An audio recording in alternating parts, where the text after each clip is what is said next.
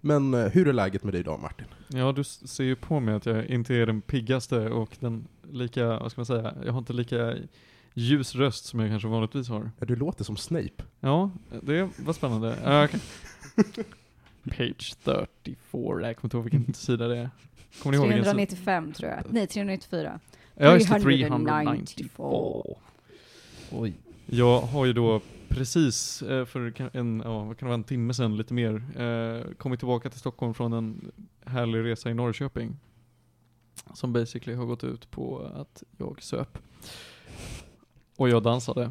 Fanns det någon dank popkultur? Det fanns, det fanns en imposter i Norrköping. Vi, jag var på en sittning där de presenterade och välkomnade upp Magic Martin. Och det var inte jag. Så att jag började gå upp mot scenen, ser att det inte är jag, går och sätter mig igen och bara Det här är ju helt sjukt. Då var det magiske Martin som skulle trolla med några lådor. Han trollade i 25 minuter, det var det sämsta gyckel jag sett, bara för att det var så långt. Trollade han åtminstone till Pony? Nej, han gjorde ingen musik alls. Nej. Han stod och bara "Ja, titta här, din eh, låda är grön. Och så om jag vänder på den, nu är den röd. Jag bara, "Ja, det är ett ganska enkelt trick du. Du har en liten knapp där. Alla applåderade. Men var det en median då, eller var Nej, det typ det- någon det var- inhyrd person? Ja, det var en inhyrd person. Så professionell. Ja. Förra, förra året när jag var på samma fest, då hade de med, alltså tonvis med olika underhållare. Eh, De hade ett par lärare som hade gjort ett spex på 10 minuter Mm. om Edison, det var helt fantastiskt. Underbart.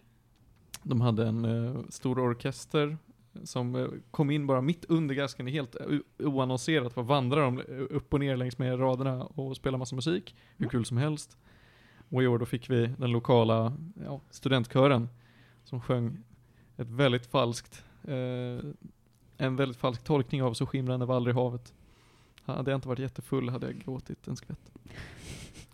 Så att det förklarar ju varför jag mår som jag mår. Med andra ord, ingen popkultur. Fan vad kast. Ja, ja det, är ju, det är ju därför vi är här idag, för att kompensera för detta.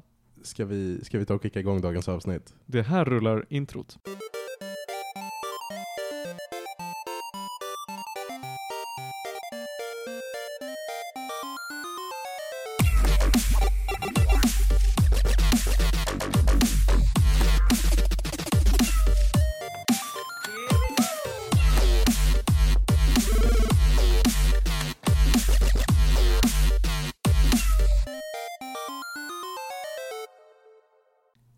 Mina vänner, det har blivit dags för ännu ett avsnitt av Medis Radio Trendigt Värre. Podcasten om all typ av möjlig fin och ful kultur. Det är fredagen, den, är det den 5 april idag? Ja det är det. Ja. Klockan är 14.16 och det är en väldigt bra dag att vara bakis på.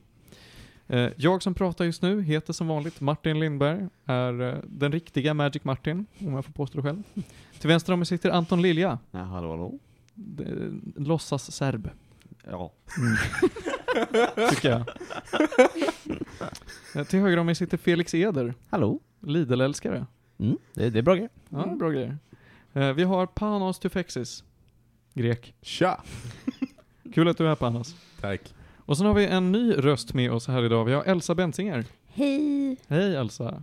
Eh, Jag har inte gett dig någon eh, särskild titel, för att sånt här måste man ju winga. Ja, Så att jag det tänker, lå- kommer. jag tänker låta dig introducera dig själv för lyssnarna, vem du är. Okej, ja, det var otippat. Eh, ja, vad ska jag säga om mig själv? Jag gillar kultur. Jag kan inte så mycket om just spel, men jag kollar mycket på serier. Det är min grej. Eh, jag går datateknik. Jag ska prata om D&D idag. Kul. Det är min stora passion i livet. Det är jävligt nice. Vi har en hel del att bjuda på idag. Vi ska börja med att prata om, nu bara för det har jag stängt ner min dagordning här. Vi ska börja med att prata om eh, det fantastiskt, eh, ja det är också ett rollspel faktiskt, eh, MUTANT. Men vi ska då Ah, prata om den nya MUTANT. MUTANT Year Zero Road to Eden. Som vi nämnde förra veckan, väldigt, väldigt i förbigående. Elsa, du ska få prata lite om D&D. Det, där tror jag att vi, många av oss har någonting att flika in i alla fall. Felix, du har Jag har aldrig spelat D&D i mitt liv. Nej, men då är vi dig allt. fyra av fem har i alla fall spelat D&D en del. Jag vet vad det står för. Bra, bra början, bra början. På både engelska och svenska. Vad bra. Jag satt där och funderade på, vet du det? Vet du det? Jag ska slänga slamkrypare på det. Mm. Eh, Anton och company har jag sagt här. Ska jag prata lite om True, Det- De- True Detective? Ja. Ja! Vi, Är det säsong tre nu som... Säsong tre har varit Ja. ute ganska länge nu, men, Okej. eller en månad kanske, två, tre. ja, Någon. jag, har inte, Jag vet inte riktigt. sett den. Felix, du ska prata om den bioaktuella Ass. Ja, s- ja, Jordan Peels andra film efter Get Out. Mm. Ska jag snacka om. Intressant. Och sen så ska vi avsluta med att mysa lite kring den trevliga serien Community. Mm. Eh, Men vi ska börja med MUTANT Year Zero Road to Eden. En alldeles för lång titel på ett alldeles för simpelt spel.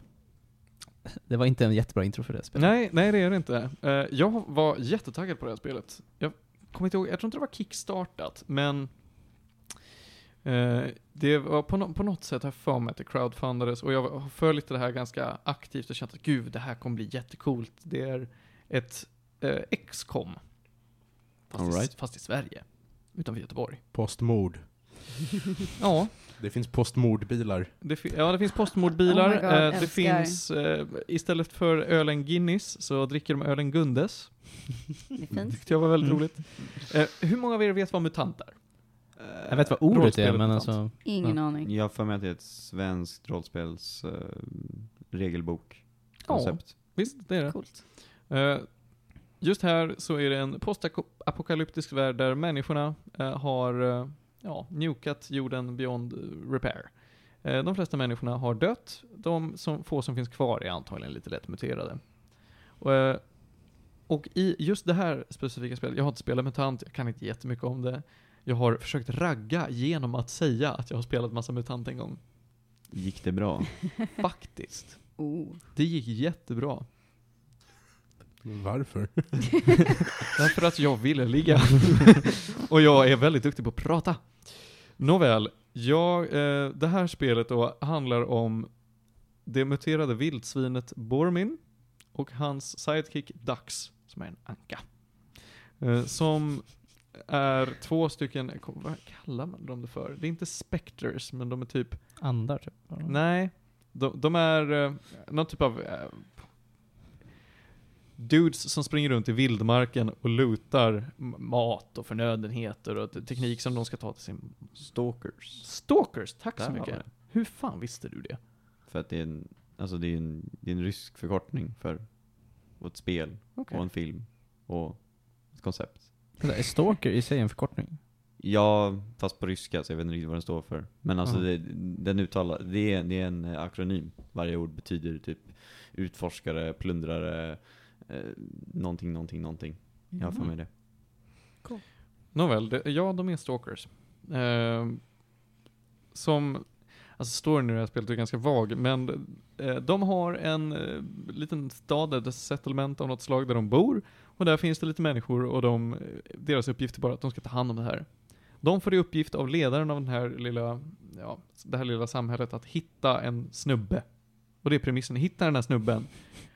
Och så kommer vi till det faktiska gameplayt då, för att storyn är helt oviktig. Alltså det, den, den kommer knappt någon vart, den har en, en början och ett slut, men den är så jävla oviktig så att jag skiter i den.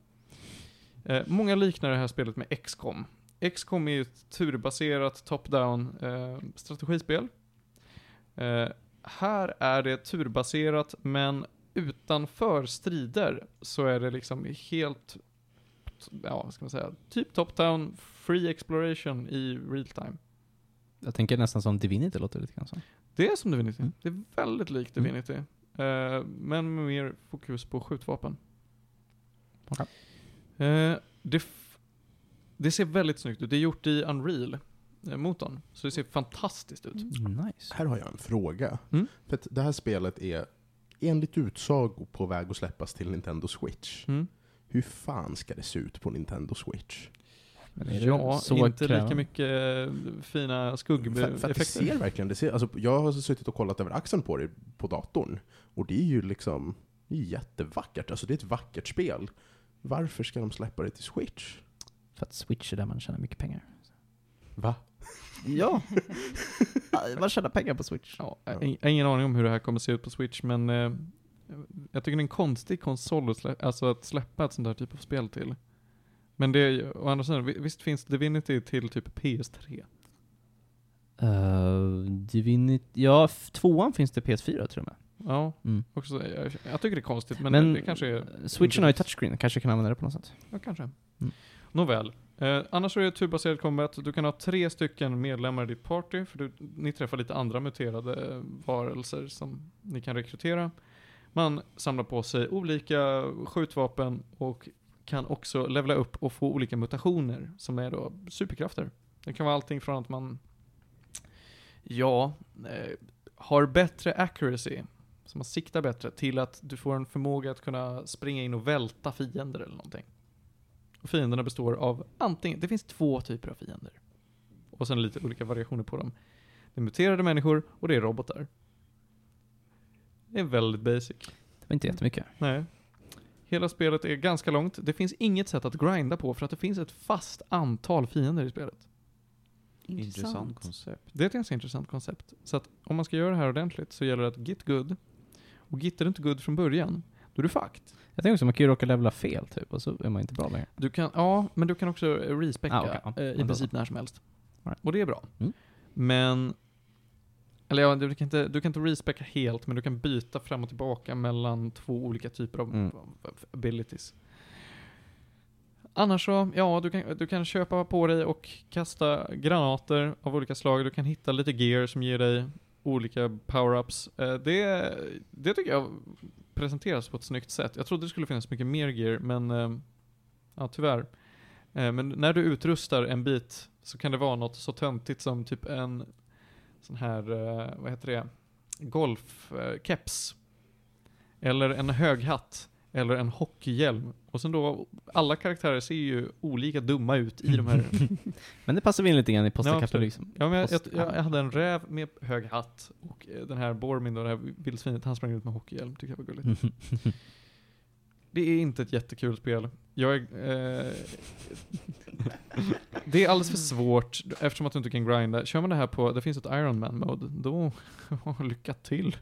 Det bara- Alltså man måste ju verkligen smyga, smyga, smyga sig runt och jag har ju behövt liksom starta om encounters tusentals gånger. Känns det som, antagligen inte. Men, nej. Eh, en fråga, det här låter jag tycker ändå, alltså rent världen på något sätt, jag tänker på Fallout direkt. Mm. Vad är det som faktiskt får den att sticka ut lite grann? Alltså vad är det som gör Mutant unikt i sig? Jag, jag kan ingenting om Mutant, så liksom, är det någonting som finns någon hook i liksom världsdesignen, att det finns... Nej, alltså allting ser likadant ut. Det är samma miljö. Du går runt i Ja. skogarna utanför Göteborg. Det finns lite vatten, det finns lite eh, Mm. spår av att här har det varit en stad förut. Det finns eh, liksom en pizzeria som är väldigt, väldigt övervuxen och, och Mm. väggar saknas och hej och. Mm. Men annars så, Ja, det, alltså presentationen Mm. och vad, det, vad spelet har att erbjuda ges till dig de första fem minuterna. Sen har du sett allt. ja, för när du beskriver tycker jag det låter nästan lite generiskt på en gång. Att Det är Ja. en postkapitalistisk värld, det finns vildsvin typ. Jo, jag tänkte att var någonting med mekaniken skulle göra det intressant och det såg så vackert ut i alla trailers och sånt där så jag, jag hoppades att det skulle kunna bli någonting kul. För combaten i sig, det är så här, ja men det är typ XCOM. I like it. Men faktumet att jag inte kan grinda och att det går, vad ska man säga, alltså de förmågor man låser upp är så ointressanta. Ge ett exempel. Du, eh, ett exempel är, du kan få vingar som du kan flyga lite med. Det är en sån här active ability, så att ja, du bara boom, får ett par fladdermusvingar som du kan flyga en bit med. Jag har fortfarande inte förstått hur de funkar. Men det är ju coolt ändå. Ja. Det är coolt, det ser lite coolt ut, det är lite användbart i vissa situationer, men jag vet fortfarande inte hur Mm. man använder dem. Jag har lyckats använda det en gång, överallt annars när jag försöker att använda den här förmågan, så bara, nej men du når inte den här punkten. Jag är på punkten. Och du når inte den här punkten heller. Jag är ett steg ifrån punkten. Okej, vingar, man ska flyga uppåt. Kan jag flyga upp på en ny våning? Nej, du kan inte nå den här punkten. Kan jag flyga upp på en bil? Ibland. Så jag har flugit upp på en bil, skjutit en kille, flugit ner igen och märkt att det var inget bra. Det gjorde ingenting. Annars så, ja, ehm, passiva förmågor som du gör ännu mer skada med granater är inte så himla skoj. Jag tycker, Tyvärr. jag tycker det är kul med spel som har så här värdelösa upgrades som bara, det här är kul. Typ. Fast man motiverar sig ändå liksom, man vill ju låsa upp skiten. Ja, men jag, jag kommer ihåg, de är. det här är lite, jag kommer bara ihåg i Far Cry finns det som typ såhär att du kan skjuta folk när du åker zipline, bara, när kommer jag någonsin göra det? Men du det låter måste, coolt. Du Det måste låter göra det för en achievement. Jo, jo, jo, Det därför. var den Men, sista achievementen jag saknade i Far Cry 3. men det är såhär, när ska jag bara, åh jag är på en zipline. Åh, där är en person, jag, vad bra att jag har den abilityn, nu kan jag skjuta. Det, här, det händer mig aldrig, jag ville att det skulle hända. Förlåt. Det är ingen fara. Jag är, känner mig ganska klar. Mm. Jag rekommenderar inte det här spelet. Det är kanske tydligt. Det är Ja. nytt va? Alltså det är, Det är precis ganska släppt nytt. eller? Ja, det är ganska precis släppt. Jag fick det från uh, Humble Bundle för att jag prenumererar på Humble Monthly. Ah, okej. Det, Då fick jag 40 spel för 120 Ja, Humble spänn. Monthly, där får man grejer. Ja, man får riktigt mycket grejer så att det var ju trevligt. Då, jag, jag sitter och googlar lite. Och det här Mm. spelet är, det är producerat av, eller alltså det är publicerat av Funcom. Vilket är ett norskt företag. Det Funcom är de som har gjort längsta resan. Mm. det. de, de har gjort, eh, vad heter det, Secret, vad heter det? Secret World. Conan, eh, de har Exiles. gjort Conan Exiles, precis. Så att de har gjort ganska bra spel. Men, det här spelet är inte producerat av Funcom, det är bara published av Funcom. Det här spelet är producerat av några lite, lite jävla skitstudio som heter Bearded Ladies. Och, och Är det från Är Göteborg? det eller? en svensk studio? Det Ja. borde väl vara Ja, det? men jag får anta det om de har gjort ett som utspelar sig i Sverige. Det är Ja. väl Ja. ingen, ingen, ingen jävel skulle komma på det annars. Alltså, när jag går in på deras sida och så trycker jag 'about us', då blir jag direkt länkad till MUTANT-sidan. Och så ingenting om dem. Det enda som det står om dem är att deras namn är genererat i en namngenerator, och så finns namngeneratorn så man kan generera sitt egna företagsnamn. Wow. Det är liksom, det är verkligen så här. Kreativt. Ja, men, ja precis. Ja, men Det var in, väl roligt. Man har inte producerat någonting noteworthy överhuvudtaget. Men är det deras första spel eller var det att de har gjort massa grejer som ingen... Jag tror inte det är deras första, de har väl gjort massa små skitprojekt innan. Det är Ja. bara att de Det lyckades är- få det här publicerat av Funcom. Det, det är kul att de håller på. Ja, precis. Det som är så You kul go, är att guys. de, de heter eh, Bearded Ladies Consulting. Consulting! Oj, oj, oj. Nej, det här är ju nästan... Nej men eh, ja, de har 100 eller 1000 eh, likes på Facebook. Och de är baserade i Malmö. Malmö, okej. Ja, vad 17 de har gjort utom det här, det vet jag inte. Typ ingenting. Typ alltså, ingenting. typ ingenting. Men alltså de har inte gjort någonting med MUTANT, alltså originalrollspelet, det är något annat? Nope. De har ingenting med det här att göra. Det är bara att de har bara haft rättigheterna att göra ett dataspel till det? Okej. På deras Facebook-sida finns cosplay. Någon har cosplayer när Ankan dags. Jag tycker den var helt okej. Jag visar Anton nu. Vilket- Ja, det där är... Ja. En anka, Det är en anka. tycker jag. Ja, Ja men det är en anka, det är en anka. anka. Ja, jo. Ska, ska vi ta och gå vidare hörni? Alltså, vill, det- du, vill du ge den? Vill du ge en Nej, gädda? ja, ja, den får, av 10 gäddor så får den nog 5. För det är Väldigt medelmåttigt. Ja, men det är inte dåligt, det är bara väldigt medelmåttigt. Och spelar bara XCOM, Enemy Unknown, Enemy Within och XCOM 2 istället. Mm. Alltså det, det finns ingen anledning att spela det här istället för dem, för det är bara ett bättre spel. hur, lång Det, tid, inget, det ger inte ens ett mervärde. hur lång tid är det? Alltså hur lång tid la du ner på den ungefär? För mycket. Jag ska kolla. jag, jag, Panos, när jag spelade det här när du satt och tittade på, då sa du att jag hade spelat alldeles för mycket. Alltså, jag, satt, jag satt och redigerade vårt förra avsnitt, det brukar gå på så här två timmar. Då hade du typ... Ett encounter. Då ja precis, du hade krypt runt ett kvarter. Vad säger du, vad heter det? Bra gameplay. Mutant? Mutant Year Zero. Mm. tänk, tänk så här Felix, det gick exakt lika långsamt som en bana på första Command and Conquer. Också rimligt. 14 timmar totalt. Ja men det var inte så mycket eller? Nej, det, nej, det var inte så mycket. Det var inte så långt. För ett rollspel liksom. Alltså ett, ett vanligt litet spel är ju åtta timmar typ. Ish. Ja. Så att, Ja, fast jag tänker rollspel brukar vara... ja, okej, De kan vara ganska långa. Lite längre. Men jag, tror, jag har ju verkligen kämpat mig igenom det här för att det är min grej. Jag liksom spelar ju ett spel från början till slut. Mm. En vanlig dödlig hade ju tröttnat på det här efter en timme. Men de ger ju ingenting. Alltså det finns ju knappt någon story. Nej, Vad alltså- är den story som finns? Den sa jag. Du ska hitta en dude, du letar efter honom ett tag, du hittar honom, du får uppdrag att gå till ett annat ställe och sen så kan jag inte säga mer för att det spoilar. Post- För att Ah, sen är det slut. Postnord, bilar och Gundes öl. Ja. Ja. Ja, du har inte sålt mig på det i alla fall. Nej, eh, jag vill inte sälja det här till någon. Vi går raskt vidare hörni. Det här får som sagt fem av eh, tio gäddor är tråkigt. Ja. Mutant Year Zero alltså. Ja. Nu, sk- nu är jag ju inne på fel grej igen. Fan också. Nu så ska vi låta Elsa prata lite om Dungeons and Dragons. Ja. Vi, pratar, alltså vi nämner ju ofta det i det här programmet, för här pratar om våra dd sessioner och lite junk. Men eh, vi har ju aldrig förklarat vad Dungeons and Dragons faktiskt är, så Ja. take it away. ja, jag ska förklara lite om Dungeons and Dragons. Eh, ni vet ju vad det är, Felix. det visste inte. Alltså jag vet att man har tärningar och papper och Ja. grejer, men... eh, Ja, folk som lyssnar kanske vet precis vad det är, eller så känner de igen det som den där konstiga saken. Vänta, jag hörde, jag hörde tärningar och papper. Är det, är, är det här en variant på Yatzy? Absolut! Men det är väl lite... 100% du förstår- Yatzy, du fast mycket inte. mer komplicerat. Eller hur? Det här är avancerad Yatzy. Ja. Det här är Ja, ju lek Du med kan ord. få en stor strike. Jag tror på dig. När du slår alla samma, då dör monstret. Och då säger man Yatzy. Precis. Jag skulle vilja ha en sån karaktär som varje gång han dör något. Yatzy. Införa det. Förlåt att jag avbröt Elsa, fortsätt. Ja, det jag tänkte säga är att de som lyssnar kanske, jag vet inte, känner igen det som det de spelar i Stranger Things, för det är en grej i Stranger Things. Annars om man, jag vet inte, vet mycket om USA så kanske man känner igen det från The Satanic Panic, eller Satanic Panic Wow, kanske ja. man säger. Där det, var, det var typ någon gång under 80-talet som de blev jätterädda för så, här religiösa kristna personer som bara kan inte spela Dungeons and Dragons, det är, det är djävulens verk, nu kommer alla dö, typ så. Alltså allting Wow. som religiösa kristna amerikaner motsäger sig hör ju plats i min bokhylla. Då, bara då kan jag avslöja, det, här- det här är en bok jag släppt för länge, länge sedan. Det finns alltså statsfinansierad svensk moralpanik från 80-talet. eh, det är övergivnas armé. Det är alltså, de fick eh, jävla bidrag för att skriva en, att de hatar på Sverok och alla, och att alla som spelar Dungeons and Dragons kommer bli nazister som följer sina DMs Oh in i kriget. Alltså det här är en amazing bok och jag kan rekommendera av allt mitt hjärta. Den låter underbar. Mm. Okej, den. okej, så vi har, vi har alltså ett, ett kultverktyg utformat som Yatzy. Vad mer Precis. gör man Elsa? Precis. Ja, vad gör man då? Är är ni inte sålda redan? precis, precis. Behöver jag ens säga något mer?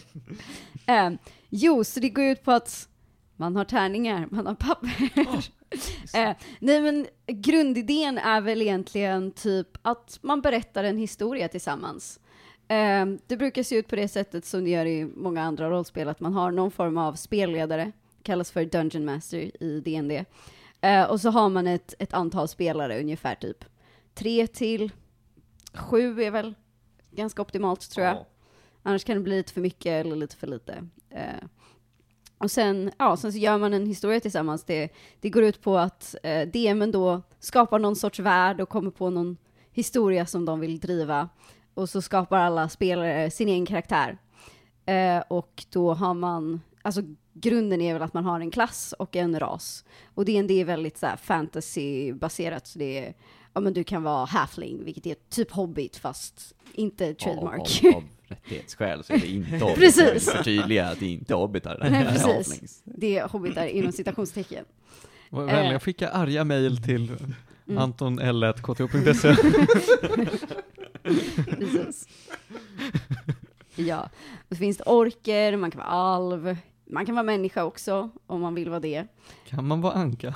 Eh, inte direkt, det kan man om man hittar på det själv. Man kan ju vara homebrewa Araco- saker. Eller Arakokra, vad heter det? Jag har inte koll på alla Ja, raser jag- som finns för att de är så jävla många. Ja, jag kan typ grundrasen och typ lite annat. Man kan vara eh, furbolgs, de är typ som djur fast då är det liksom pälsdjur. Generellt så är det ju lite DM som sätter gränsen. har man en precis. DM som bara vill att folk ska vara alver, då får man väl vara alver. Ja. Men eh, oftast så, så, har man en idé så brukar det vara öppet och vara halva elefanter och allt möjligt Ja. annat trams. Regeln är för det mesta, om du vill göra någonting, fråga din DM. Din DM kommer förmodligen säga att det är okej. Eh, men ja, sen så har man klasser. Eh, och då kan man vara antingen en spellcaster eller en inte spellcaster. Eh, Wow. eller hur? Men så det finns en massa olika typer av spellcasters då. Antingen så kan man vara typ en wizard som typ, ja men man lär sig sin magi. Eller så är man typ, ja men jag är en cleric, jag fick all min magi från min gud och jag följer min gud jättemycket. Eh, eller så är man typ fighter och då kanske man slåss med svärd eller, eller något. Och ja, då är man inte så magisk av sig. Ehm, ja, det är väl liksom basgrejen. Sen så kan man komma på en backstory och så. Och har man en bra DM så väver de in den backstoryn i, i ens spel så blir det, så blir det fint. Uh, jag, jag bara uppskattar det här jättemycket. Jag tycker det är jättekul att bara skapa historier med andra människor. Uh, jag tycker i allmänhet, jag är ju väldigt kreativ människa, jag gillar att rita, jag gillar att skriva liksom. Men här blir det liksom att man är kreativ tillsammans. Det, är- ja. Jag tycker bara det är väldigt fint att så här, att D&D börjar bli en mycket större grej, för det har ju varit väldigt så här, nördkultur i allmänhet har ju varit väldigt så här, ja men du, gud vad nördig du är, håller på och kollar på nördgrejer, spelar spel och ja, gör rollspel och sånt. Men nu, det Det börjar bli lite mer accepterat. Ja, Liksom. precis. Och jag tycker just D&D är någonting som jag rekommenderar för alla. Liksom. För det är väldigt utvecklande, man kan så här, ja, men man lär känna varandra väldigt bra, man har väldigt kul tillsammans, får en massa roliga historier. Om man kommer ihåg när vi gick in i det där slottet och allt gick åt helvete, typ så här. Um, skruvade grejer, ja. Och Eh, Ja. En fråga, den, den person som är Game Master, Mm. eller hette den, uh, Dungeon Master. Är den personen då, spelar den inte? Den är bara med Ja, den som är med. håller reglerna? Den eller? gör liksom, eftersom man gör en historia tillsammans så är det liksom den personen som driver det hela, de spelar Ja. alla NPCer liksom. Om du, Ah, du träffar på den här personen som har en potion shop typ, Mm, okej, eh, och så är de den personen. Sen beror det lite på DM till DM. Jag har ju haft Martin till exempel, han är väldigt bra på att leva sig in i karaktärer och liksom vara karaktär, men jag har haft en annan DM som var väldigt såhär hon pratade mer med sin egen röst och typ så här var inte lika inlevelsefull. Så, alltså, det, saker beror ju liksom på Mm. spel till spel, men Ja. Ja. och olika partier, det beror lite på vilka man spelar med också. Mm. Ibland så har man några som är väldigt seriösa och Mm. följer, ja men jag är en god karaktär så jag måste göra på det här viset och Mm. si och så. Eh, man kan ha väldigt tramsiga sessions, man kan ha Ja. de som är väldigt min-max, så att det bara handlar om att springa omkring och slå sönder monster Ja. och sno deras loot och. Så. Murder hobos. Ja, det, är, det är också en grej. Ja, eh, det, så det beror lite på vilka man spelar med, vad man får för Ja. upplevelse. Jag personligen, det jag gillar med D&D är det liksom skapa en historia, få ut känslor, göra någonting som, som man tar med sig liksom. Men det, det är inte jättelätt att göra alltid, det kräver ju mycket av både spelarna och spelledaren. Så det, man kanske inte ska satsa på det direkt när man börjar, utan mer typ så, men vi ska ha lite kul tillsammans. Göra lite trollformler, döda lite folk, göra skruvade grejer typ. Ja, det är väldigt personligt. Mm. Eh, Hur många, alltså det, det, som ni säger så beror det helt på vem det är som konstruerar det här spelet, vem det är som är Mm. spelledaren och sådär. Har ni spelat med många olika typer av spelledare som har just haft olika synsätt? Du nämnde Elsa att du har haft både mig och en person som var väldigt olik mig i sitt spelande. Ja. Men du Anton? Eh, Jag har ju haft dig och en, en annan tror jag, nej två har jag. Eh, lite beror det på vad, vad man slänger upp för värld, hur seriös den världen är. Mm. Eh, det tycker jag är en av de största skillnaderna. Sen är också hur mycket material personen hittar på själv, och hur mycket mal, material som hämtas ur böcker och sånt där. Det finns plus och minus med det. En DM måste ju alltid kunna improvisera. Men eh, förberett material så kan man komma få ett helt annat djup med ännu mer komplicerade karaktärer och saker som man måste, som är svåra att bara improvisera på, Mm. på stört sådär. Ja. Nej men jag tror inte, just såhär storymässigt så tror jag inte det har varit så annorlunda. Jag tror att båda ni var väldigt såhär, mer mot storyhållet, för det var det som, det är det ni liksom tycker om att fokusera på. När jag DMade själv så var jag också mer så, försökte fokusera på storyn. Sen hann inte jag DMa jättemycket så vi kom inte så djupt in i storyn tyvärr, men Eh, en grej jag är lite osäker på dock är, alltså typ hur, när man ser en sån här session, hur långt så sitter man i typ en dag bara? Jag för mig att det kan pågå liksom jättelänge. Typ. Alltså, oftast så är det ju att man har flera sessioner, att man sitter Ja. ett antal timmar. Oftast kan det bli väldigt länge, för att saker tar mycket längre tid man planerar. Man bara, men det här tar tre timmar och sen så tar det sju timmar. typ. ja. Eh, så då, då sitter man och gör en session och sen så är ju förmodligen historien liksom inte slut där. Nej, och så fortsätter man liksom. Precis, så fortsätter man någon annan gång. Och det är också det som är svårt, särskilt när man är, ja men typ runt vår ålder, eller bara typ i allmänhet att om man är en grupp med många människor, att så här, hitta tid Mm. och ses. Det är väl typ en, av- en av de svåraste grejerna i DND, att verkligen så här, göra det kontinuerligt så att Mm. man faktiskt får den här historien. Det är ju många som kör liksom kanske ett antal sektioner, kanske kommer upp till level, för man kan levela också. Eh, Om man vill. Ja, när man, man kör vill. så, kan, så levlar man Precis. liksom. Men, Ehm, kanske kommer upp till level 5 eller något. Sen så kommer man inte så mycket längre för att det liksom rinner ut sanden för att man Mm. aldrig hinner ses. För att man Sen bara, men jag jobbar då, jag har Så skola. glömmer man bort det liksom. ja. Ja, precis. Vi, vi gör, de jag kör mest med, vi kör ju varje vecka. Så Mm. vi tisdagar är ju heliga. Jag gör ju ingenting Mm. annat på tisdagar än att spela Mm. DND. Ja. Underbart. Jag är Mm. avundsjuk. Det är, men då, då är det också så här, vi kör ju långa kampanjer, en kampanj så att, som hänger ihop liksom. Det tar Mm. typ ett år. Mm. Det är ganska... Jag vill komma in i det, alltså verkligen så här, ha den så här, gruppen. Den, Jag med. Ja. Men vi har ändå kört typ nästan varannan vecka, förutom nu när det har varit tentaveckor och det har Mm. så här blivit uppehåll. Men jag, jag alltså, tycker jag, vi har varit väldigt duktiga. jag kommer inte orka driva en kampanj ett helt år. Nej. För det första så det, alltså, visst det är kul att vara DM, men jag har ju alltid varit DM. Det är så jävla tråkigt Men till min slut. tur nästa gång. Ja, jag, jag vill, jag vill spela något ordentligt liksom. Och, Ja. och dessutom så den historia jag planerat är liksom inte ett år lång. Jag skulle Nej. kunna trycka i massa filler, men eh, för ja, jag känner inte att det, det, det är min grej liksom. Utan jag kommer göra det här, det kanske blir 14 sessioner eller någonting, 14-15. Mm. Sen får det vara. Jag, jag visste dock inte att det var så mycket improvisation, för jag trodde man hade typ en bok man bara följde. Man kan Nej. en bok. Man kan det. Ja. Eller är inte det att det är en bok typ, med en Alltså, story? Alltså, eller? det är en Eller regelbok. Det finns massa olika böcker. Det finns ju en bok som är Players Handbook, som är typ 200-300 sidor av bara typ så här skapar du din karaktär.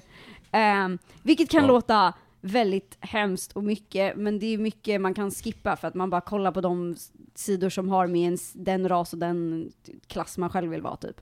Sen kan man läsa den och man bara, ja men så här fungerar hur man slåss typ, så här fungerar Ja. om, man är, om man är en spellcaster så finns det en liksom, del där det står alla trollformler som finns Ma- liksom. Ja, Martin håller nu en Dungeon Dragons uh, Master Guide. Dungeon Masters Guide här ja. Ja, det är ju en annan bok som finns. Den är till för DMen. För att de Precis. ska typ så här, ja, lära sig hur DMar man bra, vad kan ett Mm. mm. encounter innebära, typ. Jag tycker det är nice att det är både en Dungeon och en Dragon på franska. Visst är det Mm. roligt? Mm. Ja? Där fick de till alltså. Sen, Mm. sen Till- finns det också, det finns ju, alltså det finns ju enorma webbaserade databaser med Mm. alltså, spelargenererade berättelser. Ja. Så då är det folk som antingen skrivit ner sina egna kampanjer eller skrivit upp en helt ny saga av Mm. liksom sin godhet och fantasi Mm. för andra att använda. Men, ja. men finns det någon, det finns ingen officiell Dungeon Dragons story, det tror jag att det var? Nej. Nej, Nej, det är okej. Det finns ju vissa böcker som är typ, det här kan du spela, det här Men det är som bara utspelar exempel sig alltså. här typ. Ja. Däremot, däremot är det så att det har varit, det har varit väldigt mycket, eh, man har byggt upp den här bilden av den stereotypiska Dungeons and Dragons-kampanjen. Och det är väldigt mycket baserat på de absolut första webbaserade rollspelen som byggdes i princip för att efterapa D&D på typ 80-talet. Ja men alltså rollspel som genre inom dataspel kommer ju från D&D. Alltså typ. Baldur's Gate är ju, om Ja, jag det- vet det rätt, det- är typ D&D. Japp. Ja, alltså, Mm. Det är ju i D&D vad jag fattar det som. ja, det finns, en, Mm. det finns ju en kampanj heter bara Baldur's Gate, och de har gjort ett spel Ja på precis, det. ja, precis. det är Så. liksom, ja. Mm. Dungeons and Dragons släpptes, första kopian släpptes på 70-talet, typ 74. Mm. Mm. Det tog ett par år tills folk hade knåpat ihop små så här hemgjorda varianter eh, på kampanjer Ja. online. Så det är liksom, det är verkligen, Mm. det är bara Mm. det här. Ja.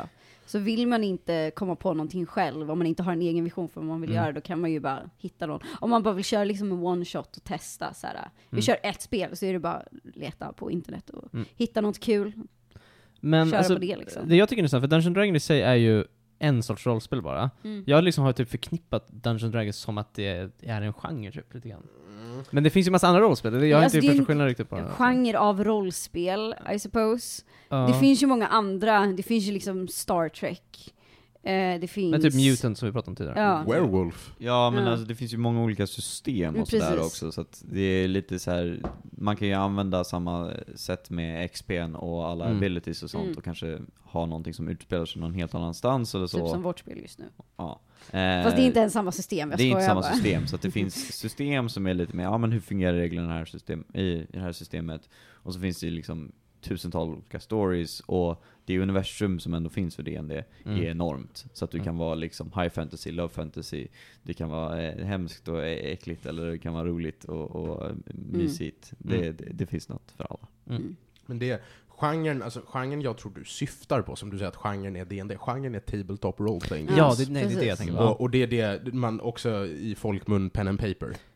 Ja, men, precis. Men Ja. jag typ förknippar det med Dungeons Dragons på något sätt. Det är väl för att jag inte kollar in. Ja. Men jag tänkte, jag tänkte att det var samma sak. Typ. Alltså det är väl den största Ja, liksom, det är väl det. Ja. rollspelet i D&D är också först. Ja. Kommersiellt, Mm. I alla fall.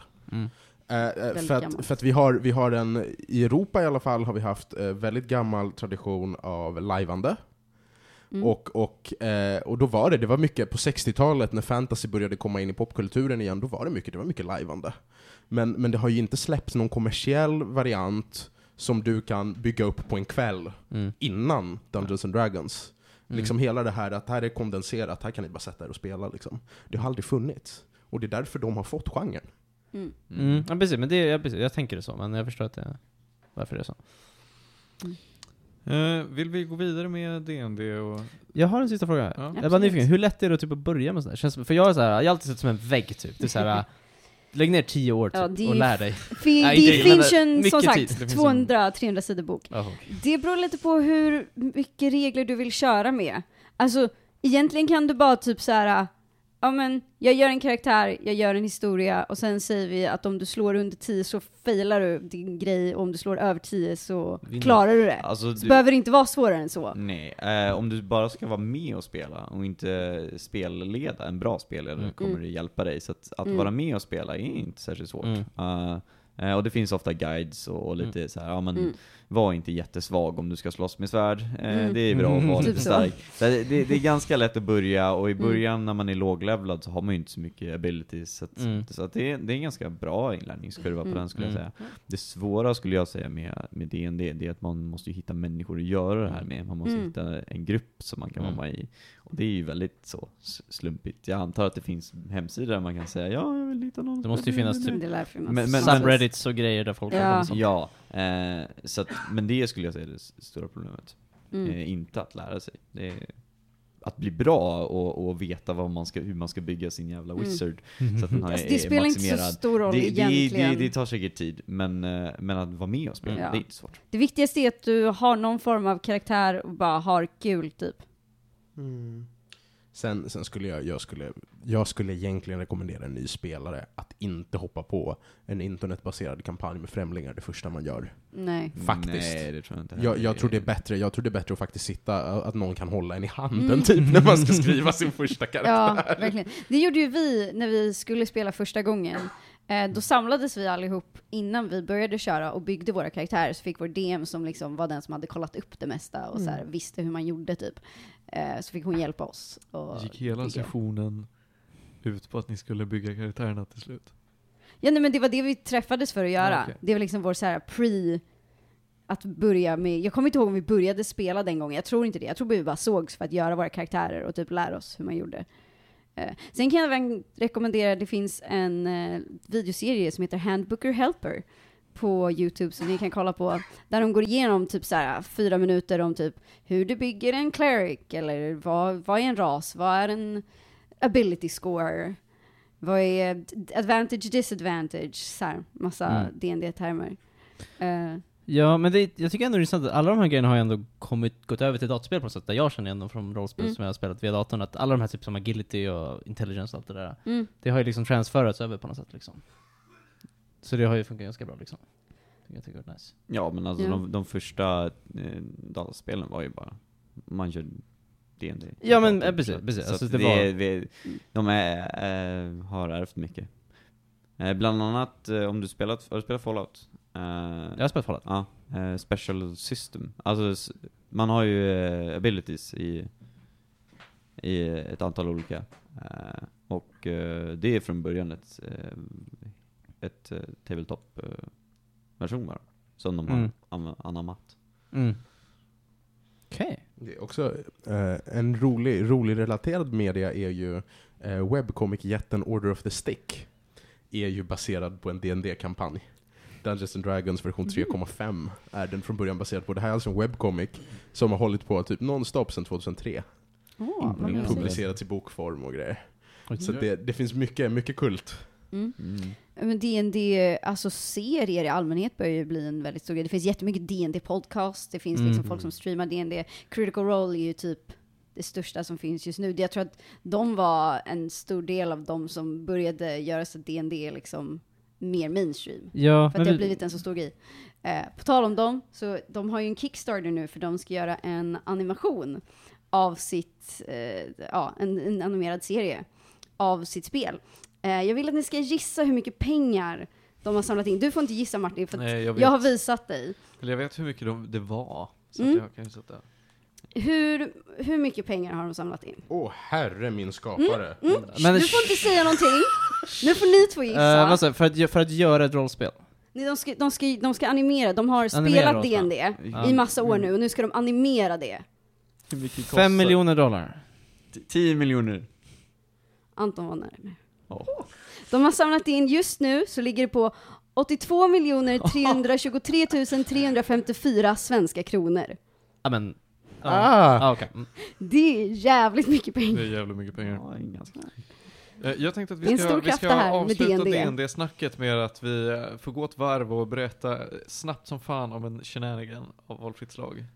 För det uppstår ju naturligtvis Ja. massa knas när man spelar D&D. Mm. Någon, något kul som är nämnvärt. Jag tänker, börja- Anton du ser helt perplex ut. Eh, nej men jag, jag, jag, jag vad har jag en- gjort? det- Du har en? Ja, jo. Ja, då får du Eh, börja. Eh, det här är alltså storyn om hur min karaktär blev svinrik. Eh, för det var så att vi hade kravlat oss ner, vi var djupt, djupt nere under jorden, det är farligt som fan. Eh, och vi har varit i en dvärgstad, den är lite konstig, dvärgarna är osynliga. Och de verkar vara styrda av en drake som de har som kung. I alla fall, vi är långt ner i någon katakomb någonstans, slåss mot saker. Vi hittar ett rum med en beholder i. Uh, beholder är ett Oh, väldigt no. klassiskt uh, DND eh, Monster. monster. Det är alltså bara ett stort flygande ö, öga i princip. Eye of the beholder. Precis. Känner igen den termen Ja, precis. Det är klassiskt. Mm. Och den är där nere och de jag är med börjar slåss mot den. Vi är typ bara två, tre den här session. Men jag ser att det är ett drakägg där nere, som den vaktar. Så jag snor drakägget. Och sen lyckas jag teleportera mig ut, för det fanns en teleportsten liksom. Så jag teleporterar ut mig med, med, med guld, eh, med, med drakägget. Eh, och de andra typ dör inne i grottan. Och sen så står jag där med ett drakägg och tänker, vad gör jag nu? Jag, nu kommer ju säkert draken komma efter mig. Men jag hittade en liten kult, liten. Eh, Jag hittade kulten som styr stan, som så här. shit, det där är ju vår arvinge, liksom. Jag har ju räddat kungariket. Så jag får bara gå in i sk- skattkammaren och ta hur mycket pengar jag vill ha, så jag tar, fyller en skottkärra och så möter jag mina andra. Jag tror att den ena lyckades överleva genom att teleportera sig också.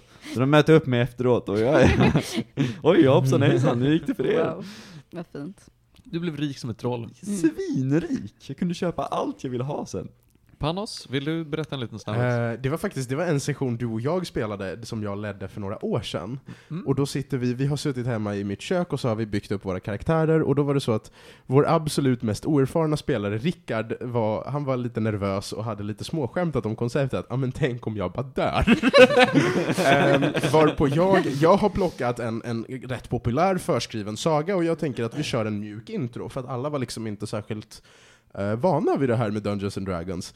Ja, vi var väl tre rookies? Ja, ja precis. Ehm, och, ehm, och det som händer är att den absolut första encountern är med eh, två tjuvar i en gränd. Det är en väldigt så här, typisk encounter, det är, Mm. liksom, det är lätt.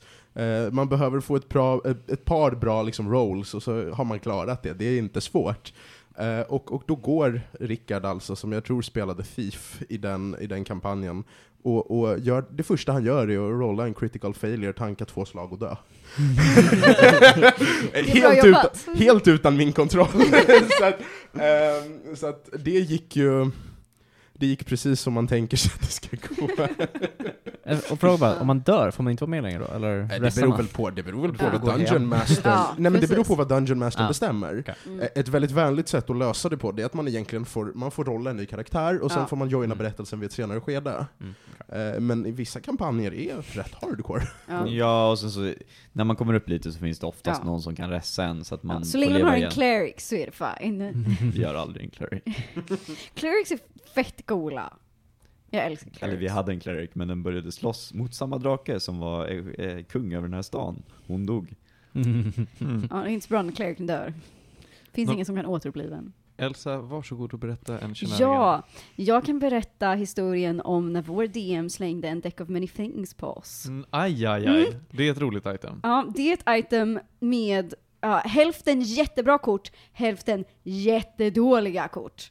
Eh, och jag som spelare visste ju det här. Eh, det var jag som plockade upp däcken då, för vi hade haft något, jag kommer inte ihåg exakt vilket encounter det var, men vi kom till någon grotta och jag hittade den där. Jag förstod ju direkt vad det var.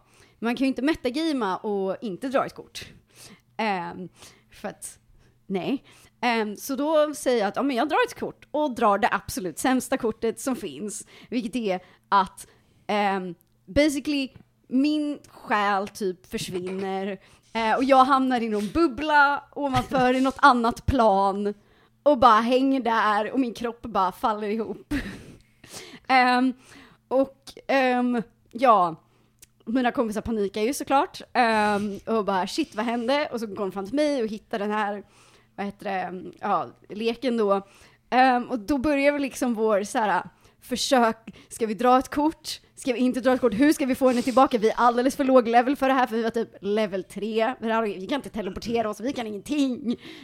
Um, och ja, i slutändan så bestämmer vi oss för att vi ska få Eh, en av våra spelare hade en orm, en jättestor orm, så vi bara, vi får den att dra ett kort, för om någonting dåligt händer med den så gör ingenting. Så vi får den att dra ett kort, sen lyckas vi få en typ så här, någon så här betjänt typ, eh, som i ett av korten typ så här, du får en fighter som är samma level som du och är dig trogen tills, du dör, tills den dör typ. Or- ormen fick en fighter. Nej jag tror att det här var, jag tror att vi bestämde att eftersom det var en av spelarens orm, så var det spelaren som, som den var Okej, trogen ja. till. Ehm, för att ormen var typ en stav som blev en orm. Ehm, hur som helst, eh, så vi bara, då får vi den eh, fighten då, att bara dra kort tills vi får wish-kortet, för det finns ett kort där man får en, önska sig någonting.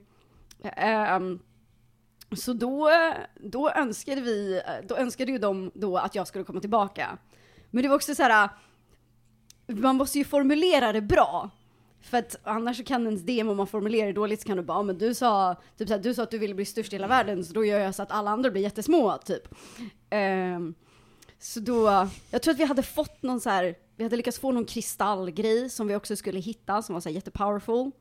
Uh, och vi ville inte att den skulle försvinna, men vi ville att jag skulle komma tillbaka. Så då tror jag att vi sa typ, vi vill att alla dåliga effekter som har kommit av det här ska försvinna, typ. Så då kom jag tillbaka till sist, och det här tog oss typ en timme av bara såhär, shit vad gör vi, nu drar vi ett kort, okej vad drog vi, ah, det här var ett dåligt kort, ah! Alltså som Dungeon Master är ju, det är ju spelarnas panik som är det absolut roligaste. Absolut. Det Man är ju lite av en sadist, det är man. Mm, Vad sa du? Man är ju lite av en sadist. Ja, det är Ja. ju halva poängen. Jag trodde verkligen. det var satanister här. Ja, ja, Det är vi väl alla eftersom vi spelar D&D. Så är det. Det ena förskjuter inte det andra. Mm, precis.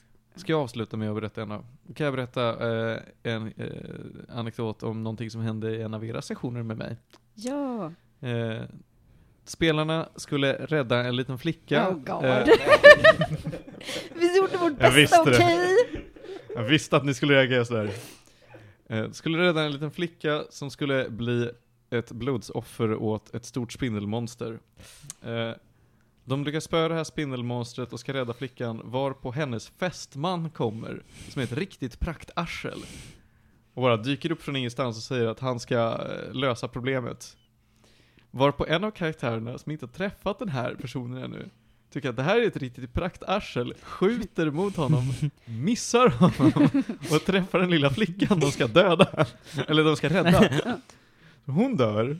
Fästmannen vänder sig om, ser sin äh, fästmö död, sjunker upp på marken, får en gigantisk kokosnöt i huvudet och dör också. Kokos. Jag menar, typ, Det började var- falla det var en kokosnötter frukt, det från himlen, typ. Ja, det exploderade. den här stora spindelmonstret exploderade eh, och ut Blev flög en massa kokosnötter. Han slog critical one Mm. på att skydda sig, Mm. så hans skalle totalt krossades av en av de här frukterna. Mm.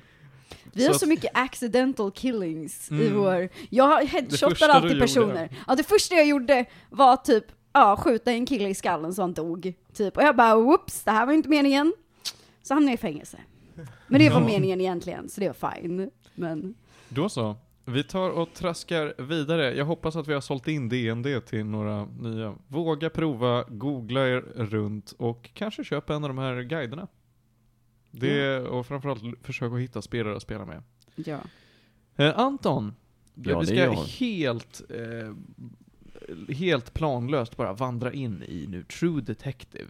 De spelar faktiskt lite DND tror jag. De i gör det? den- Gör den de? Oh my God. senaste. Eller det, det de, de refererar till att en karaktär gör det. Så det hade kunnat varit en eh, brygga där. Mm. Eh. Jag, jag, vet, jag vet ingenting om den här serien. Jag vet Inte att det är heller. HBO och jag vet att Matthew McConaughey är med.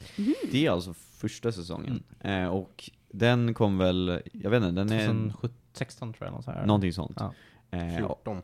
14? Oj, oj, oj. Så Ja, länge Den sedan? har i- hängt runt ett tag. Ja, Kul. och den, det var ju ganska, det var kanske innan det, alla Netflix-serier, eller inte alla, men, men eh, in, innan det här seriernas Ah. guldålder, så den här är ju... Det här var en av de första vad jag minns som verkligen var wow, det här var Den var- verkligen den är riktigt- otroligt den bra. riktigt, Mm. Mhm. Så att den originalet, eh, eller första säsongen, eh, då följer man två eh, poliser. Mhm. De är i Louisiana, tror jag.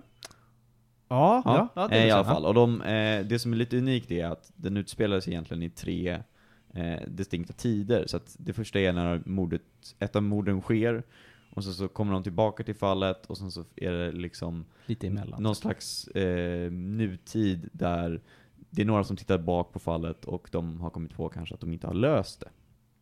Eh, och den här är riktigt, riktigt bra. Rekommenderar 10 av 10. Den är otroligt bra, Re den är rekommenderar till alla. Eh, Varför. Är den så bra? Alltså, dels, dels är det för att McConaughey och Woody Harrelson som spelar i De den är- är, briljanta. Woody Harrelson? Gud vad Ja. trevligt. Det här, är- de två, uh, Matthew McConaughey vann ju Oscar det året, Ja. för Dallas Buyers Club, men många tror också att, för att han var så otroligt bra också i True Detective det året, så, så här, Mm. det hjälpte till lite grann. Alltså det, det, är en, det är en fantastisk performance. Mm. Ehm, och det är också säsongen, alltså säsong ett utspelar sig på ett sånt sätt att den är skriven att även om, även om historien byter pace Mm. flera gånger, så blir den, den blir liksom aldrig ointressant.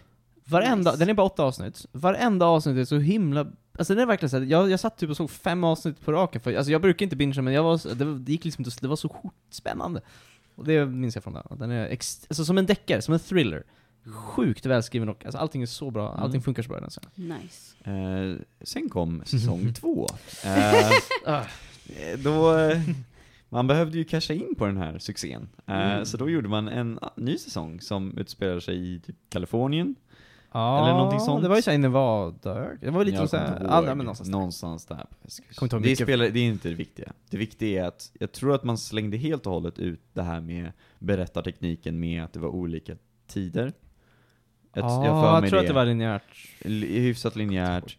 Och eh, visst, det, det är ganska intressanta karaktärer, för det är ju liksom det som var riktigt, riktigt bra i första True Detective är ju eh, Dynamiken. dynamiken mellan de två. Och ja, det finns lite dynamik i tvåan, men inte alls på samma nivå.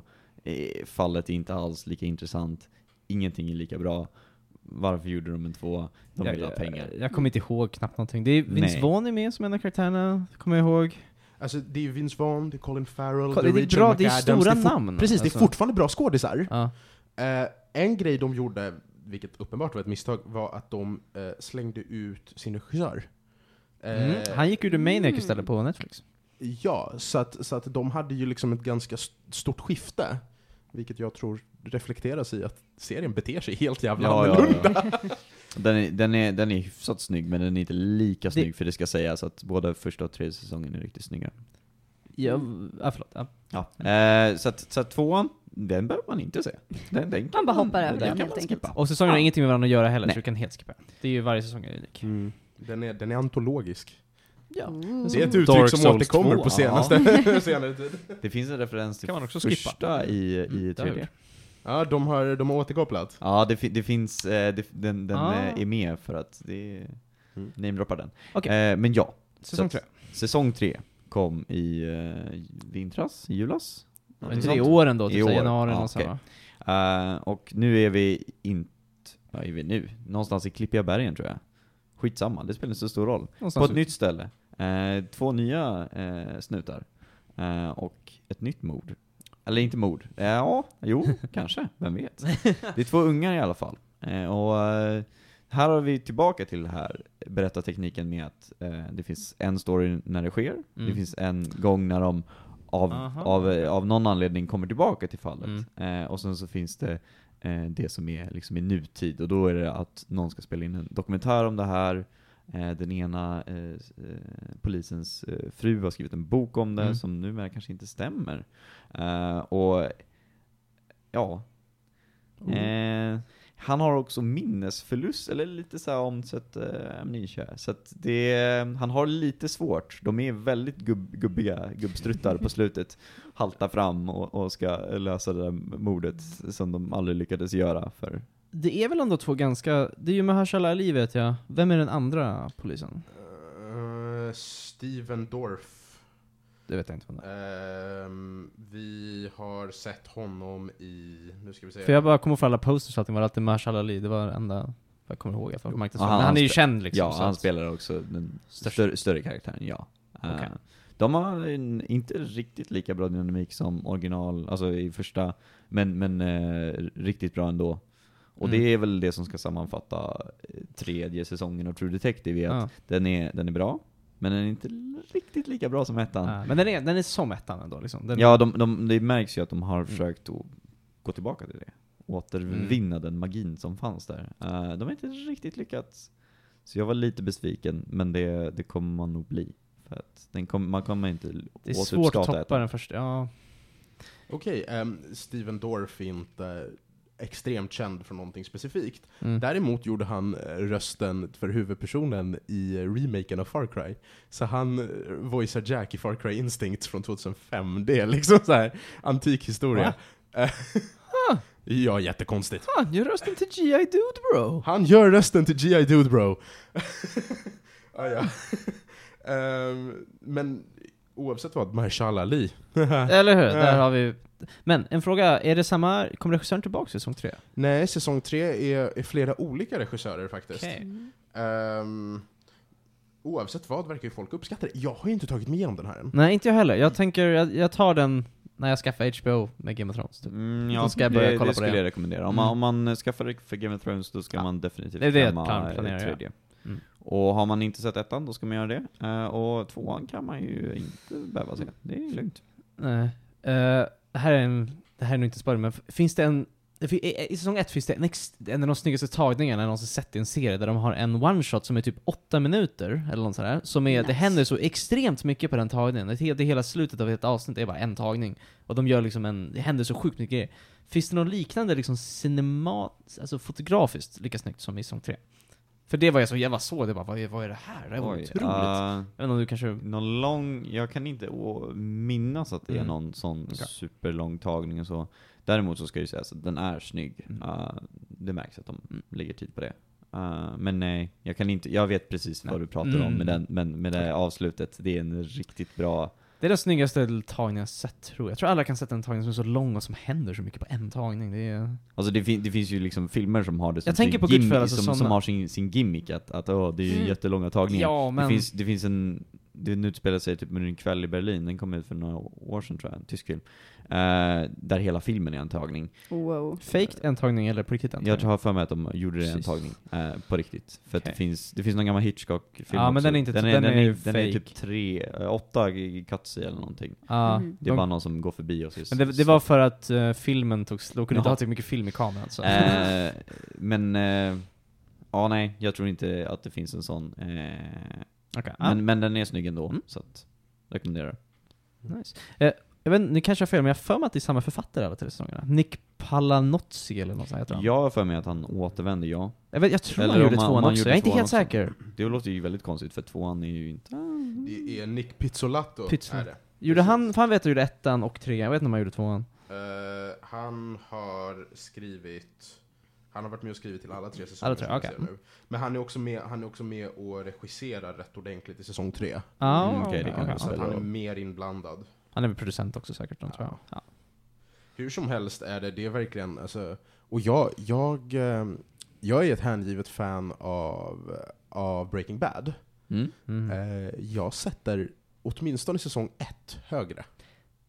Jag vågar göra det. Eh, men det är, också, det är också att den vinner på att Den är kort. kunna... Precis, den, Den är vinner kortare, på ja. att kunna Mm. ses isolerat. Ja. Eh, jag vet inte om de hade klarat av att hålla det i typ så här. Det, det, ja, men jag, jag kan hålla med om det. Jag skulle säga att första säsongen True Detective är bättre än Breaking Bad, även om man... Det skulle jag säga, ja. Mm, de är på samma nivå. Eh, kan jag tycka. Ja men de lyckas, de lyckas med den här magin av att kondensera karaktärutveckling Mm. eh, utan att visa allt. Mm, ja, men jag håller med. Alltså, så, här, Ja. så mycket som händer i True Detective på så kort speltid är ju helt otroligt tycker jag. Så att absolut. En del av det är ju förstås att eftersom det är olika tider så kan man förstå att ja, men nu bråkar de och sen så Ja. de återvänder 20 år senare så är de lite annorlunda, men de är fortfarande sura på varandra. Vill du, sa du, du tyckte första gången var en 10 av 10? 10 av 10 definitivt, ja. Vad vill du se om tredje säsongen? Eh, Hur många gäddor får den? Ja, då? Vad, vad, är, vad är bra och vad är dåligt? Jag skulle hävda Fem är average, typ medelmåttigt. Då skulle jag säga att den här är en, en eh, stark sjua kanske. Coolt, det är bra. Jag vill bara, det här är ganska roligt. Eh, säsong 1, avsnitt 4, med den sju minuter långa single take-scenen, har 9,7 stjärnor på IMDB Mm. Den, så här alltså det är den typ efter. snyggaste scenen jag sett. Alltså det är liksom en, alltså det är inte bara en person, utan det är liksom enormt mycket folk som är inblandade i den här. Den, den går så långt. Den, Ja, alltså bara det- se den på youtube bara för att se den tagningen, den finns säkert någonstans. Helt kaos. Alltså jag fattar, fattar inte, de måste- hur de alltså, har det- det- den är så ordnat lång. den. Det- Ja, precis. De måste missa, de kan missa en grej någonstans. Bara, "Ah, Okej, går vi tillbaks då. Så. Tre platser. Så. Men hörni, alla tummar upp till True Detective. Vad har vi härnäst på listan Martin? Ja, ja, ja, förlåt. Vi har så mycket som... Gud vad... Vi ska vad- prata... Ja, vi ska prata om eh, det så kallade filmen Ass, Ja, som fick, eh, Felix det. varit och sett. Right. Eh, Okej, så Us är ju den andra filmen av Jordan Peele, som är ju hyfsat ny regissör. Han är ju från Mm. Key and Peele, den här amerikanska sketch, Mhm. sketchkomediserien med Keegan Michael Eh, och han släppte en film som heter Get Out för så här, tre år sedan eller något sånt där, tror jag. Är det så länge Är sedan? det så? Blir Det känns som att det var precis, typ. Jag tror det var i alla fall tre, eller två eller tre år sedan i alla fall. Tiden går snabbt.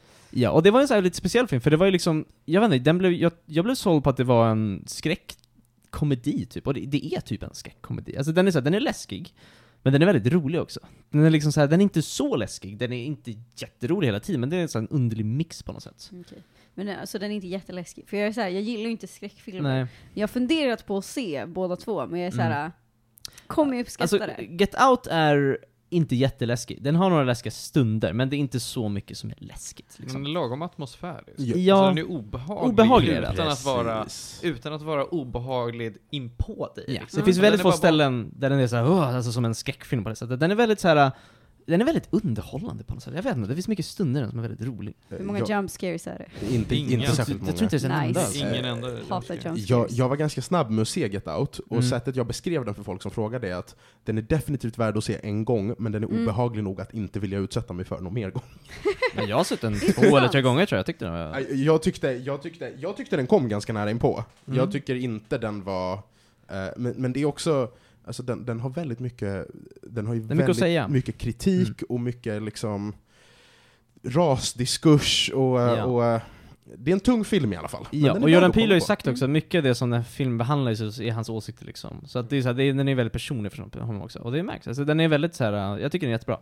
Men Ass. Ja, Mm. det är den, hans nya film som kom ut för så här, tre veckor sedan eller vad den är ganska ny.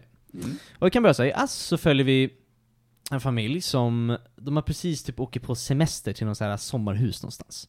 Man får inte riktigt veta så här. De, de är ute liksom i någon stuga vid någon sjö typ så här. Och sen så, ja, de, de, de, liksom, de är på semester, de åker runt där.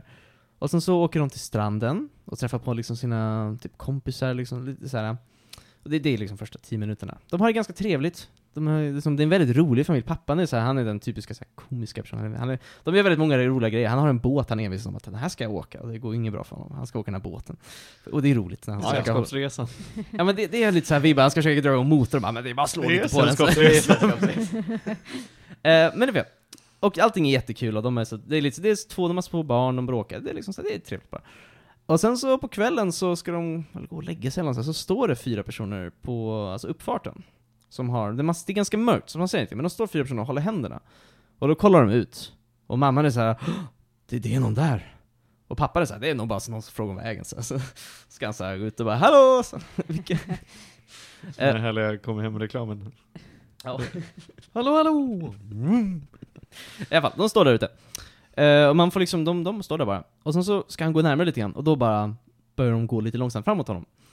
Eh, det här har varit med i trailersen, så det här Ah, tycker jag är okej att säga. Mm. Att det visar sig att de här personerna är liksom de. Det är liksom kopior av dem. De ser exakt likadana ut som dem. Det är, alltså det är samma skådespelare som spelar dem. För att de har röda typ overaller och går runt med guldsaxar, typ. Intressant. Okej. Ja. Eh, och, eh, och det är liksom, grejen är så här att Us är en mycket mer direkt skräckfilm än vad Get Out är. Den börjar liksom på en gång. Alltså den, inom 15 minuter så har den så här blivit läskig. På ett sätt som inte Get Out är. Utan Us är liksom mycket mer in your face på en gång. Men den levererar liksom ändå så här, den är, jag tror den är typ två timmar av det är typ ganska obehagligt väldigt länge och det händer väldigt mycket. Alltså Get Out är ju en film som tar lång tid på sig. Den här filmen det händer grejer hela tiden.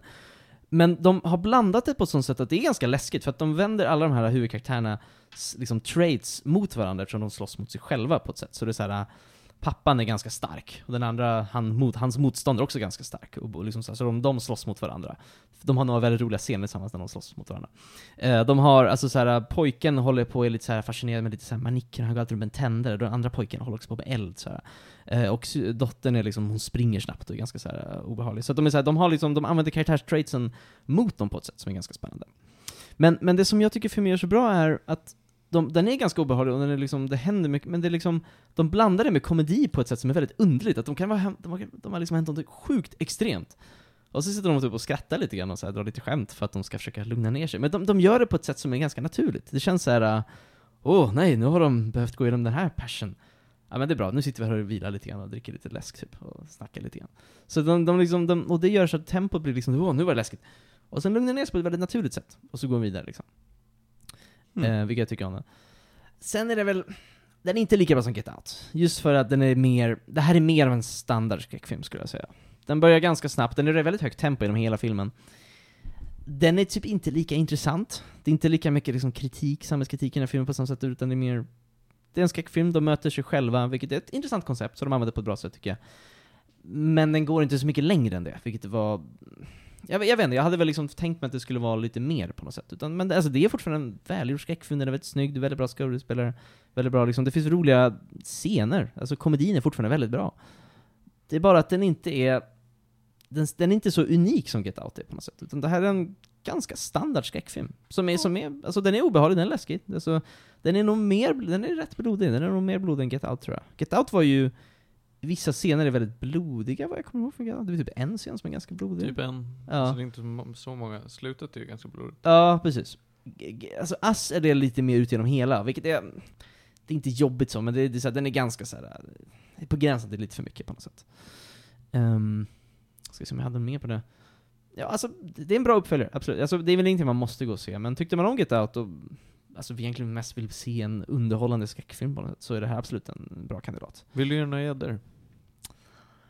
Eh, jag vill ge den en... Jag ger den en stark sexa. Cool. Om Get Out för mig är väl en så här 7-8, så det här snäppet under den. Mm. Men det, alltså, det är en bra film, absolut. Det är någonting man kan se, alltså, antingen på bio eller sen liksom. Det är, om man gillar skräckfilmer helt enkelt, ska jag säga. Så den är, intressant koncept, bra utfört tycker jag. Härligt. Nu har vi kört lite mer än en timme och egentligen så har vi community kvar. Vill, vill ni att vi ska prata om community eller vill ni att vi avslutar det här för idag? Är det någon av er som har bråttom till någonting? Nej, jag Tror tror ni inte, men jag har ingenting att säga om community å andra sidan. Så Nej, inte jag heller, men du vet, då wingar vi det. Mm. Men då, vet du, då tar vi och kör kör vi det. community, för det har ni fått vänta på nu väldigt länge. Som vi har väntat på community. Oj, oj, oj. Mm. Eh, community är då, det, det finns en pågående diskussion om den bästa komediserien. Mhm. Den här är någonstans där, tycker jag. En pågående diskussion var. Överallt. Det, det, det är liksom På internet. väldigt mycket på internet. Du vet, det där Mm. abstrakta internet. Mo- Molnet. Ehm, men men eh, rätt ofta där uppe på toppen finns, alltså det, det brukar, man brukar höra folk som tycker Parks and Rec, Jag Parks and Rec Park är kul. Arrested Development brukar hänga där. Arrested Development brukar hänga där, Scrubs brukar hänga där. Kan vi inte prata om någon av de serierna, för de har jag faktiskt sett. Nej, men nu, nu vet du, nu, vi, nu ska vi prata om community. Ja. Och, och community hänger definitivt där uppe. Ehm, community är en serie skriven av Dan Harmon, Som sen gjorde Rick and Morty. precis. Ah. Ehm, den producerades av NBC, vilket är Ett tag i alla fall. ett tag, precis, vilket är en ganska stor kanal. Ehm, och, och har egentligen fört med sig ganska mycket liksom, fame and development för många skådisar som tidigare bara var obskyra. Liksom, Ja men det, det är lite så här att de har haft många personer som sen blivit väldigt kända Ja. ute allt åren liksom, som började inte som inte jättestora liksom, i communityn. Precis, så vi har, vi har Joel McHale, Gillian Jacobs, ehm, Danny, Puddy, Da, Danny Puddy, precis, Yvette Brown, uh, Alison Brie, eh, hon, är, hon gör rätt mycket grejer nu. som har gjort rätt mycket grejer. Eh, Donald Glover som vi känner från en massa andra genialiska påhitt. Eh, Ken Young som vi också känner från en massa andra genialiska påhitt. Och klassikern eh, Chevy Chase.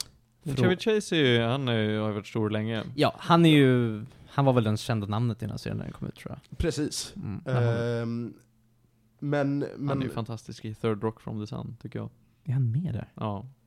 och det, det är väl det, det, är väl det, det, som, det som jag tycker ändå utmärker den här serien på sätt och vis, det är att Chevy Chase som kommer in som det största namnet, är ju... Inte jättestor roll. nej, inte jättestor roll, och jag tycker inte han är den mest begåvade skådisen heller. Nej. Ehm, Han är lite småkul. Okej, Kom- men vad, är, vad handlar community om? Vad har vi för någonting? Precis. Community och namnet kommer från eh, referens till Community College. Ja. Vi har Ah. sex huvudkaraktärer eh, som, alla har, som alla går på ett community college i USA av Vad en eller annan är ett community college? Ett community college är en folkhögskola. Så att eh, du pluggar antingen högskolekurser i separat, liksom, alltså bara pusslar ihop ett eget program, eller så kompletterar du din gymnasieexamen. Mm. Och eh, det är det de gör. Eh, Joel McHale, som, som är då huvudpersonen egentligen, åtminstone i början av serien, spelar Jeff Winger som är en advokat.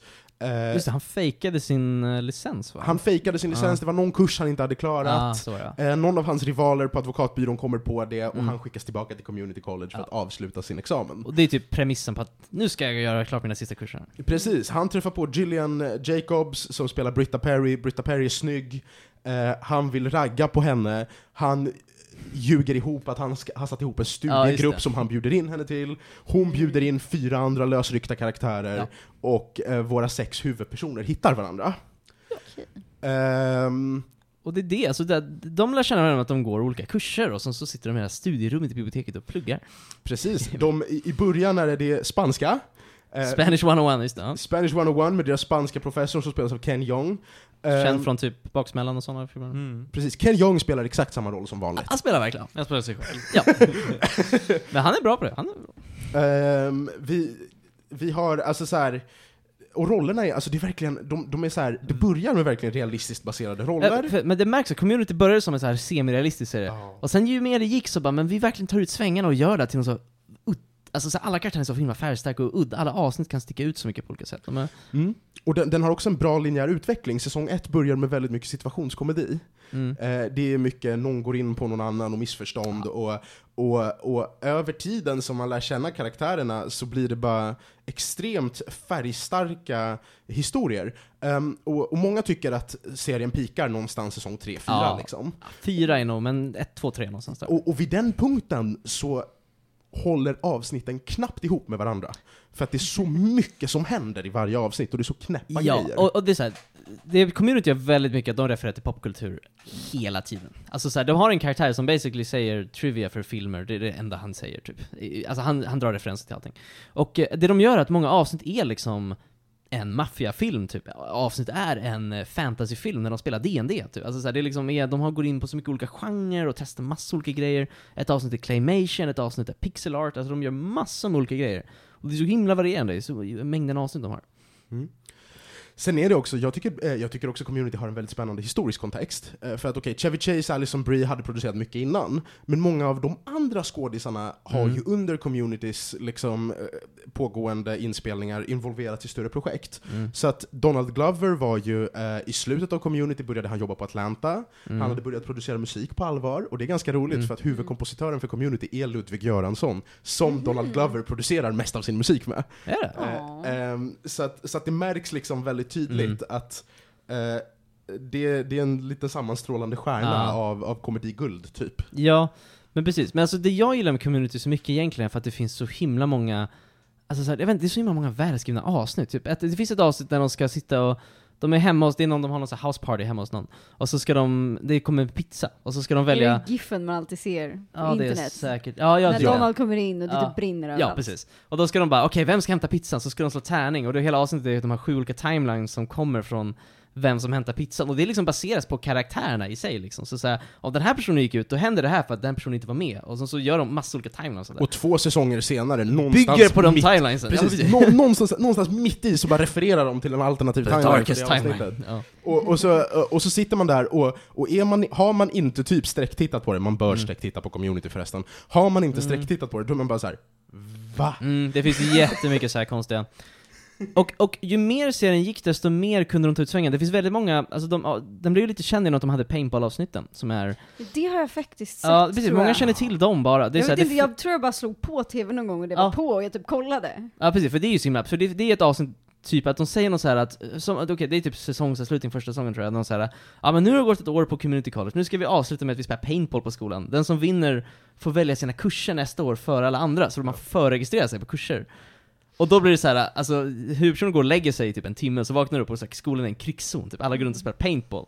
Och, så här, och de spelar det som att det är en actionfilm typ, alltså det är så himla kul, att det är så här, de har liksom, Ken Jeong är som så här, han är en boss typ, han går ut med två, två stycken eh, typ, pistoler och skjuter ner alla, och alla försöker tävla mot varandra och få de här, alltså det är så Precis, himla det, det, det, varje säsong finns det då ett avsnitt med det temat. Det är precis som kom tillbaka sen. Det, det är i alla fall det är också, det är en liten sån här, det är en liten sandlådeserie där man har prövat med så Mm. många olika skrivstilar också på avsnitten. Det finns ju ett, ett, ett exempel inom tv-serier är ju The Bottle Episode, är att, som i Breaking Bad med flugan, att det finns ett avsnitt där man bara gör i ett rum basically, och inte gör så mycket mer. Man är bara i ett helt rum.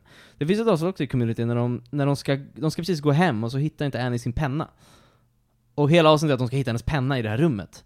Och det är väldigt underhållande. Men det enda de är att de är i det här rummet. Inga andra karaktärer kommer dit, de bara, de bara går runt, sitter i ett rum och sitter där liksom. Det är inte så mycket mer. Sen, sen är det, det är en serie fylld med klyschor.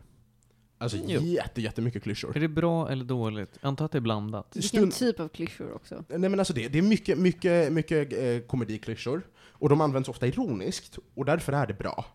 Eh, sen tycker jag, jag tycker ju, eh, när vi väl kommer fram till typ säsong 6, då har två av sex huvudskådisar lämnat serien för de håller på med viktigare projekt, Mm. och, eh, och, och man har tagit in nya casts, och vid den punkten har humorn liksom nått punkten där man tydligt upprepar klyschor bara Ja. för att fylla ut materialet. Kanske inte lika bra längre. Så när ska man sluta titta liksom? Jag tycker det är värt att se alla avsnitten, dels för att jag tycker avslutet är ganska bra, men också att i de senaste säsongerna det finns en del riktigt bra avsnitt. Tycker jag i alla fall. Jag, jag tycker de, alltså jag tycker de Första tre säsongerna är absolut de bästa. Definitivt, men jag tycker de fullt väl hade kunnat avsluta vid slutet av säsong 5. Okej. De hade kunnat komma undan med det, och serien är uppbyggd på ett sånt sätt att de typ hade planerat att avsluta där. Ah. Ehm, så att, så att det är, det är okej att inte kolla på säsong 6, men Det, det, lite- skadar inte. Nej, det finns några riktigt bra avsnitt tycker jag, som är så här. äh, ja, men det är också det liksom att det är, Community hade ju en väldigt så här speciell release schedule kan man väl säga, även om vi går in på det, men mot slutet, för de var ju på NBC, den, här, den Harmon satt ju liksom och eh, gjorde allt det här. Han fick sparken efter säsong 3, när den var typ på sin peak, eh, så han fick inte vara med på säsong 4. Därför anses säsong 4, och jag vet att fansen var en av de sämre för att det, han var inte med och skrev den. Sen så kom han tillbaks till säsong 5, fick göra säsong 5, och sen så uh, ställdes serien in av NBC, för de, jag vet, den nådde väl inte ratings. Och då bara okej, då är serien slut. Men då blev de renewed av Yahoo, som tydligen gör tv-serier. Yahoo! helvete? Ja, för Yahoo har ett grej som heter Yahoo Screen, Mm, mm. ja, Mm. där de typ gör tv-serier, och då var Mm. community där. Men de gick i konkurs på grund av community, för att det var så himla dyrt att producera, och ingen såg det på Yahoo, för att man, vet, man kan, man, ingen vet att man kan kolla på serier på Yahoo. Så Yahoo Screen är inte en grej längre. Eh, Så vänta, var ser jag community? nu kan du se på typ Viaplay, finns det just nu. Okej. Mm. Det går också på sexan. Det har gått, eh, här i Sverige har det alltid gått på sexan. Ja, på sexan, det är Det där var jag där såg jag såg det. Det där enda avsnittet av Mm. community som jag har sett liksom. Och, och Community, det kom till Sverige rätt snabbt efter premiär i USA. Jag såg, precis, men jag kommer ihåg att man såg den när det var ganska aktuellt Och liksom. de slängde upp det på primetime typ direkt. Ja, det- men det gick hem tror jag, jag tror det var populärt faktiskt. Mm. Ehm, sen är det också, det är också värt att nämna att de första tre säsongerna är, alltså det är ju 25 Det är avsnittssäsonger. långa säsonger, ja. Och de sista tre säsongerna är bara 13 avsnittssäsonger. Mhm. Ehm, så att det, ja. Ja, det, hur som helst är det värt att kolla på. Det är verkligen värt att kolla på. Ja. Och det är en sån här serie där eh, det, det är bara lätt att fylla ut tid med den. ja, det är en sån serie jag går tillbaks till och bara ser om mina favoritavsnitt för jag tycker de är så himla bra. Typ såhär, jag älskar avsnitten när de har liksom, de har ett avsnitt som handlar om espionage typ eller någonting. Och så, Mm. så här, om konspirationsteorier. Och hela avsnittet handlar om att de, det är en konspiration om att huvudpersonen går på en kurs som inte finns typ. Mm. Och så har de så här professor professorsen och så ska de så gå ner till botten med det och det är så här, det är så himla, jag vet inte, det är så himla många avsnitt som jag bara tycker är så himla genialiska typ. Eller de ska bygga ett kycklingimperium som i Goodfellas typ. Alltså så här, det, det är så många så här filmgrejer som, som jag typ såg via community och bara Wow, det här var coolt. Då borde jag se på maffiafilmer typ, för jag tyckte om community avsnitt om maffia typ. Alltså så här, det, det finns så extremt mycket kreativitet tycker jag i hur man skrivit allting, vilket jag tycker är jättekul. Nice. Mm. Jag tror att ni har övertygat mig att kolla på den här serien någon, Någon har gång. vi övertygat. Ja, men jag är typ lätt övertygad. Jag älskar komediserier så Mm. jag vet inte varför jag inte sett community än egentligen. Det, det är bara värt att göra det. Mm. Ja, det finns ju typ så här, så Spanish rap känner ju ganska många igen känns som. Det blev ju typ en meme nästan. Vad sa du? Spanish rap. Ja. från community blev väl ganska stort. Ja.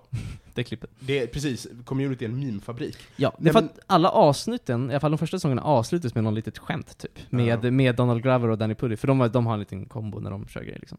Och många av dem är rätt bra. Precis, precis. Det är också, det, jag njuter ju verkligen av att se Donald Glover. Mm, det är Jag- jättekul att se honom så ung när han liksom håller på, håller på med allt det här. Exakt, och det märks att han, han är på väg in i sin rapkarriär och han är på väg in i sin karriär som komediförfattare. Och, och det är liksom bara, alla bitar bara faller på plats. Mm. Det är vackert, det är helt underbart. Ehm, jag är redo att ge den ett betyg. Okej. Jag, jag vill säga så här.